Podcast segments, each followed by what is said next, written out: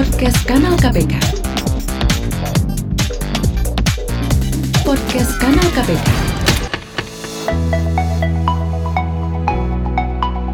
Halo kawan nasi, kembali lagi di podcast kanal KPK bersama saya Wiwik Ermawati. Nah kali ini uh, kita akan membahas uh, terkait dengan uh, kegiatan ataupun produk-produk anti korupsi nih. Kalau di KPK itu kan ada kegiatan penindakan, kemudian pencegahan dan juga pendidikan. Nah kali ini apa sih pendidikan anti korupsi yang dilakukan oleh KPK? Nah di studio sudah kedatangan tamu tentunya. Ini nggak asing nih, sering banget datang ke studio Kana KPK tentunya. Membawakan berita gembira, informasi terkait dengan kegiatan ataupun uh, pendidikan anti korupsi yang saat ini lagi running nih. Ada Mbak Epi Handayani. Halo Mbak Epi, apa kabar? Halo Mbak Wiwi, kabar baik, sehat Mbak. Alhamdulillah, semoga kita semua sehat ya Mbak Epi. Amin ya robbal alamin. Nah ngomong-ngomong soal pendidikan ini kan uh, banyak banget ya produk yang udah diluncurkan Mm-mm. ataupun uh, di ya diluncurkan oleh KPK. Iya.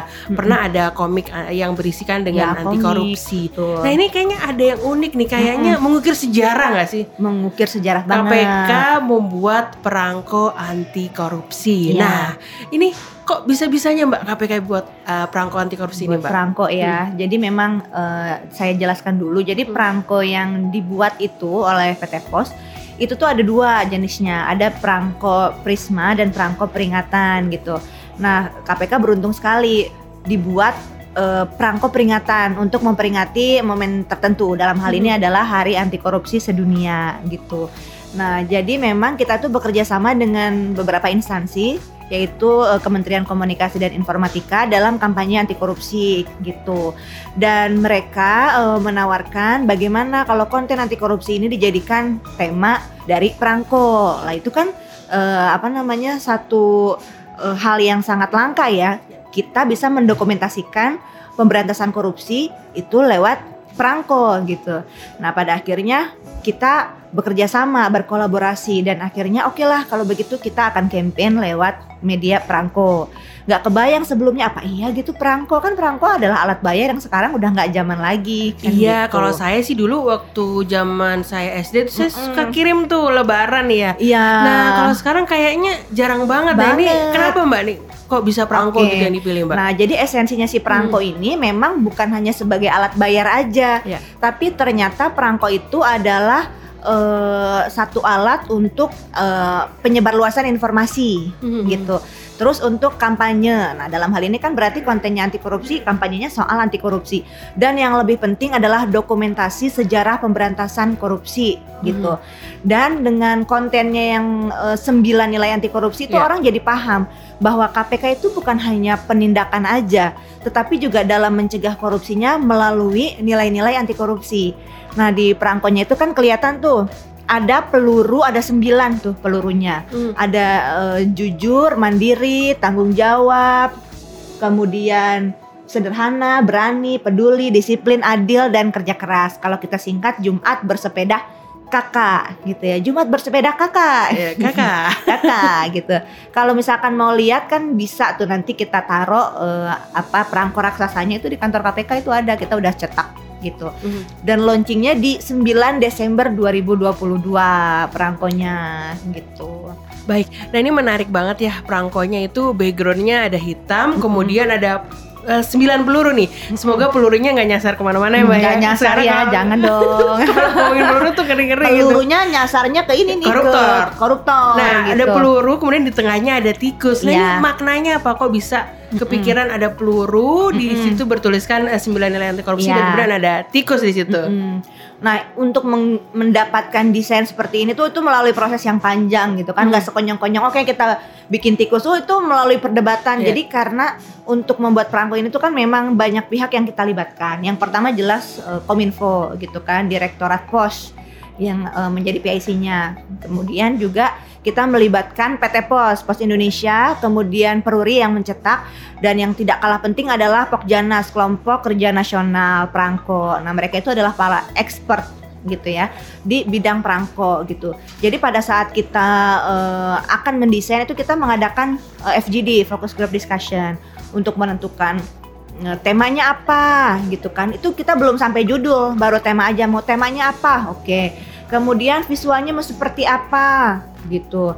Nah itu tuh di di breakdown dulu dan pada saat membreakdown juga itu tuh nggak mudah. Jadi kita FGD, nah kita sertakan desain expert kita, yaitu kita libatkan uh, dia filatelis juga, namanya Mas Yudhistira gitu. Hanya hari ini nggak hadir ya.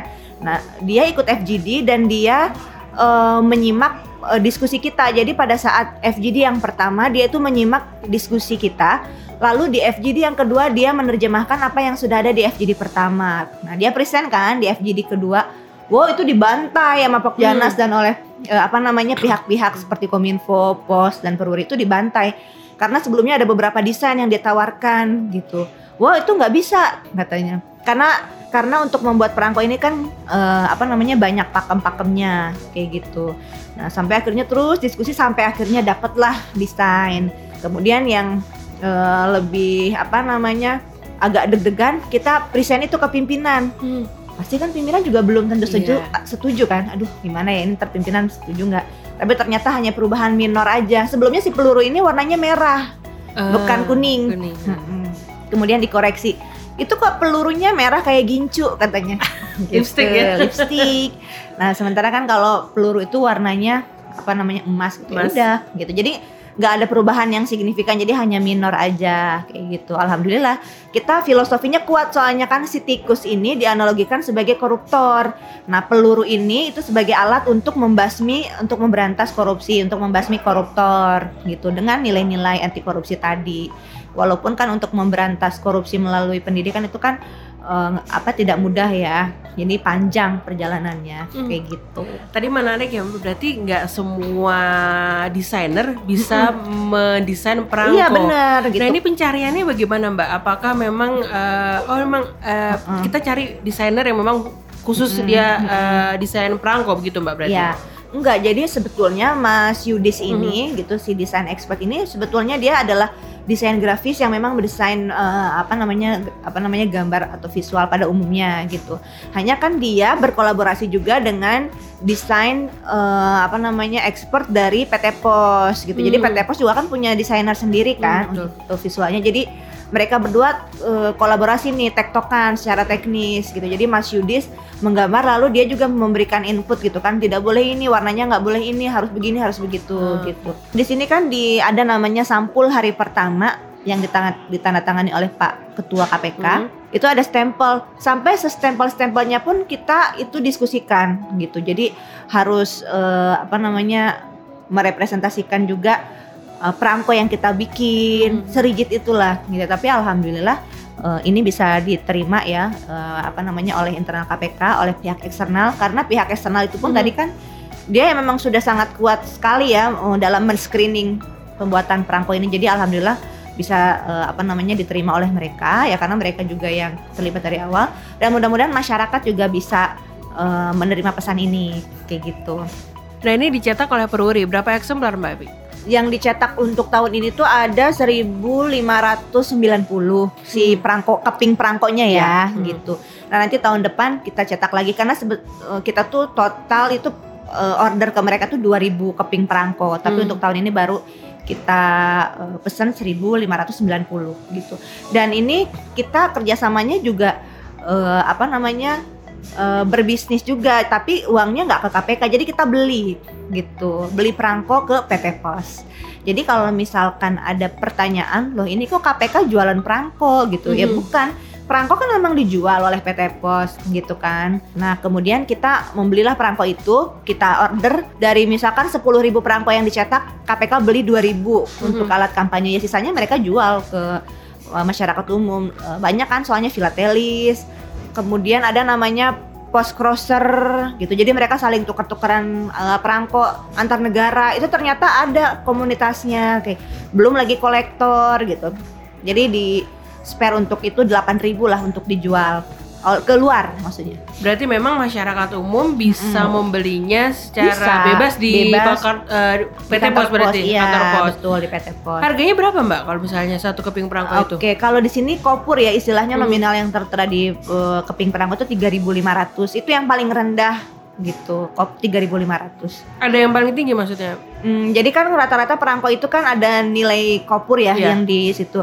Ada yang 3.500 mungkin ya ada yang 5.000 nah Hmm. kita yang 3.500 3.500. biar orang tuh banyak yang beli jadi biar eh, apa namanya mulai mencari-cari ini maksudnya apa ya terus dia mencari-cari kayak gitu Nah, jadi memang kawan aksi kalau emang Mm-mm. mau beli langsung aja ke PT Pos PT ya Pos ya Mm-mm. beli sebanyak-banyak deh. Jadi bisa berkirim-kirim Mm-mm. Surat ya bisa sama mungkin berkirim-kirim eh, surat saudara yang di luar negeri atau Mm-mm. anak-anak kita bisa diajarkan terkait dengan Mm-mm. eh, medium nilai anti korupsi ini. ya Nah, Mbak Epi, eh, apa sih Mbak target eh, dari diluncurkannya atau dibuatnya eh, perangko anti korupsi ini, Mbak? Mm, mm, mm.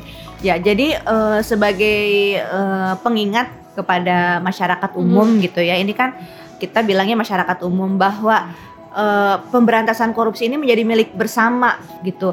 Dan dengan adanya perangko ini menjadi dokumentasi secara sejarah pemberantasan korupsi di Indonesia eh, di mana bukan hanya melalui penindakan tetapi melalui pendidikan gitu. Jadi kita ingin mendokumentasikan itu bahwa di Indonesia kita dengan eh, pendidikan itu kita gencarkan untuk eh, kampanyenya gitu. Yang sembilan nilai anti korupsi ini kan hanya eh, apa namanya menggambarkan ya walaupun kegiatannya kan sebetulnya luas edukasi ini. Nah, kemudian dokumentasi sejarah ini gitu si perangko ini itu terdaftar di Kesatuan Pos Dunia gitu atau Universal Postal Union atau Yang ada di. Swiss ya? Iya bener Mbak ya Epi ke sana dong. Eh, bisa ke sana biaya sendiri tapi ya bukan dibiayain kantor ya gitu ya tapi nggak tahu kapan gitu ya nah di Swiss itu terdaftar gitu karena kalau perangko peringatan itu Mhm. akan terdaftar di sana kemudian juga si perangko ini disimpan di Museum Perangko Indonesia di Taman Mini Indonesia Indah kayak gitu Nah, jadi kalau misalnya mau eh, lihat bisa juga di museum eh, Museum Perangko, Perangko Indonesia di Taman Mini Indonesia TMI, Indah. benar Nah, Gitu. jadi- atau ke sana ke Swiss Oh iya betul. Oh, ya. Itu yang ditunggu. Iya. Apakah memang dikirim ke Swiss Mbak ini Mbak? Perangko ini Mbak? Apa cuma tercatat aja bahwa terdaftar, Terdaftar. dan juga eh, saya nggak tahu teknisnya seperti apa, Mhm. tapi kalau yang saya tahu selain terdaftar dipajang juga mungkin ya seperti di perangko hanya saya sih belum eh, ngecek lagi Mhm. gitu terdaftar itu apakah dipampang nyata atau gimana gitu di Bambang Nyata? di pampang nyata Baik, eh, ini merupakan sebuah strategi yang sangat baik ya di tengah eh, apa namanya apa meningkatnya ataupun eh, gencatan-gencatan media digital ya Betul Mbak Epi ya. sekali Karena eh, di generasi milenial ini mungkin Mm-mm. kurang paham ya atau nggak tahu atau belum Perangko pernah itu, terkait dengan uh-uh. perangko itu apa. Kalau kita kan excited, waduh Iya. perangko anti korupsi nih, Mm-mm. peluru sembilan peluru ada tikus Mm-mm. gitu. padahal ini dokumentasi sejarah Iya, gitu betul. kan dalam Baik. membuatnya pun kan kita melalui proses yang panjang gitu Baik, Mbak, harapannya apa sih Mbak? Apakah selain eh, mungkin medium-medium apalagi sih yang Mm-mm. eh, kalau misalnya dalam angan-angan Mbak Epi nih Mm-mm. pengen apa sih Mbak? Medium apalagi sih Mbak? Mm-mm. Karena kan nggak akan habis gitu kan Mbak? ya nggak akan habis gitu ya tentunya medium-medium yang sejalan dengan eh, perkembangan zaman sekarang. Sekarang tuh kan mau 4.0 era in- Mhm. revolusi industri 4.0 belum 5.0 nih. Nggak tahu nih 5.0 mau apa lagi. Ya kita eh, tetap ikuti perkembangan zaman Iya. digital kan tetap ya Betul. eh, campaign digital. Tetapi juga kita tidak melupakan yang konvensional juga tentunya kan gitu. Karena masih banyak orang-orang yang masih eh, manual konvensional masih baby boomers gitu kan dia juga kita harus berikan edukasi juga walaupun sudah berumur katakanlah kan yang digital rata-rata kan yang anak-anak Gen Z milenial seperti kita itu masih bisa lah untuk digital. Tapi yang di pedalaman itu kan masih yang konvensional rata-rata. Nah kita harapkan eh, untuk perangko ini kita ada aktivasi literasi. Jadi membuat surat kita berkirim surat itulah cita-citanya sih ini bisa kesebar ke seluruh Nusantara gitu ya dari barat sampai timur gitu dan harapannya eh, apa namanya menggunakan perangko ini kita bisa berkirim surat ke eh, presiden untuk harapan biar Indonesia bebas dari korupsi. Betul. Nah harapannya juga anak-anak sekolah juga berkirim surat ke KPK misalkan untuk memberikan dukungan pemberantasan korupsi. Jadi ada aktivasinya gitu.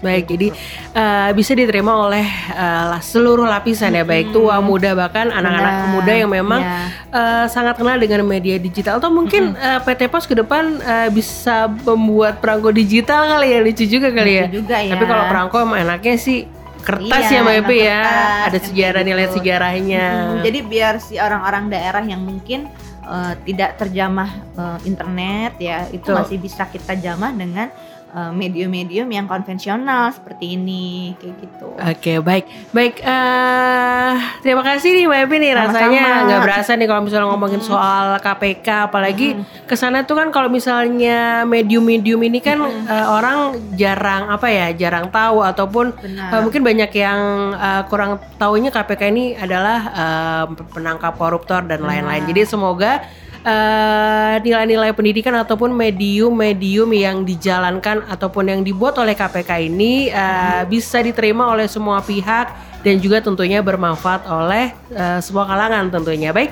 eh, itu tadi perbincangan saya bersama dengan Mbak Epi terkait dengan perangko anti korupsi. Baik, eh, kita akan berjumpa lagi tentunya di podcast kanal KPK dengan tema-tema menarik lainnya dan juga eh, tentunya narasumber-narasumber menarik lainnya. Baik, kita ketemu di podcast kanal KPK di episode selanjutnya tentunya. Salam anti korupsi.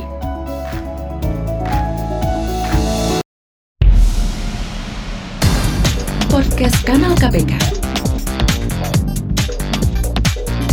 Podcast Kanal KPK.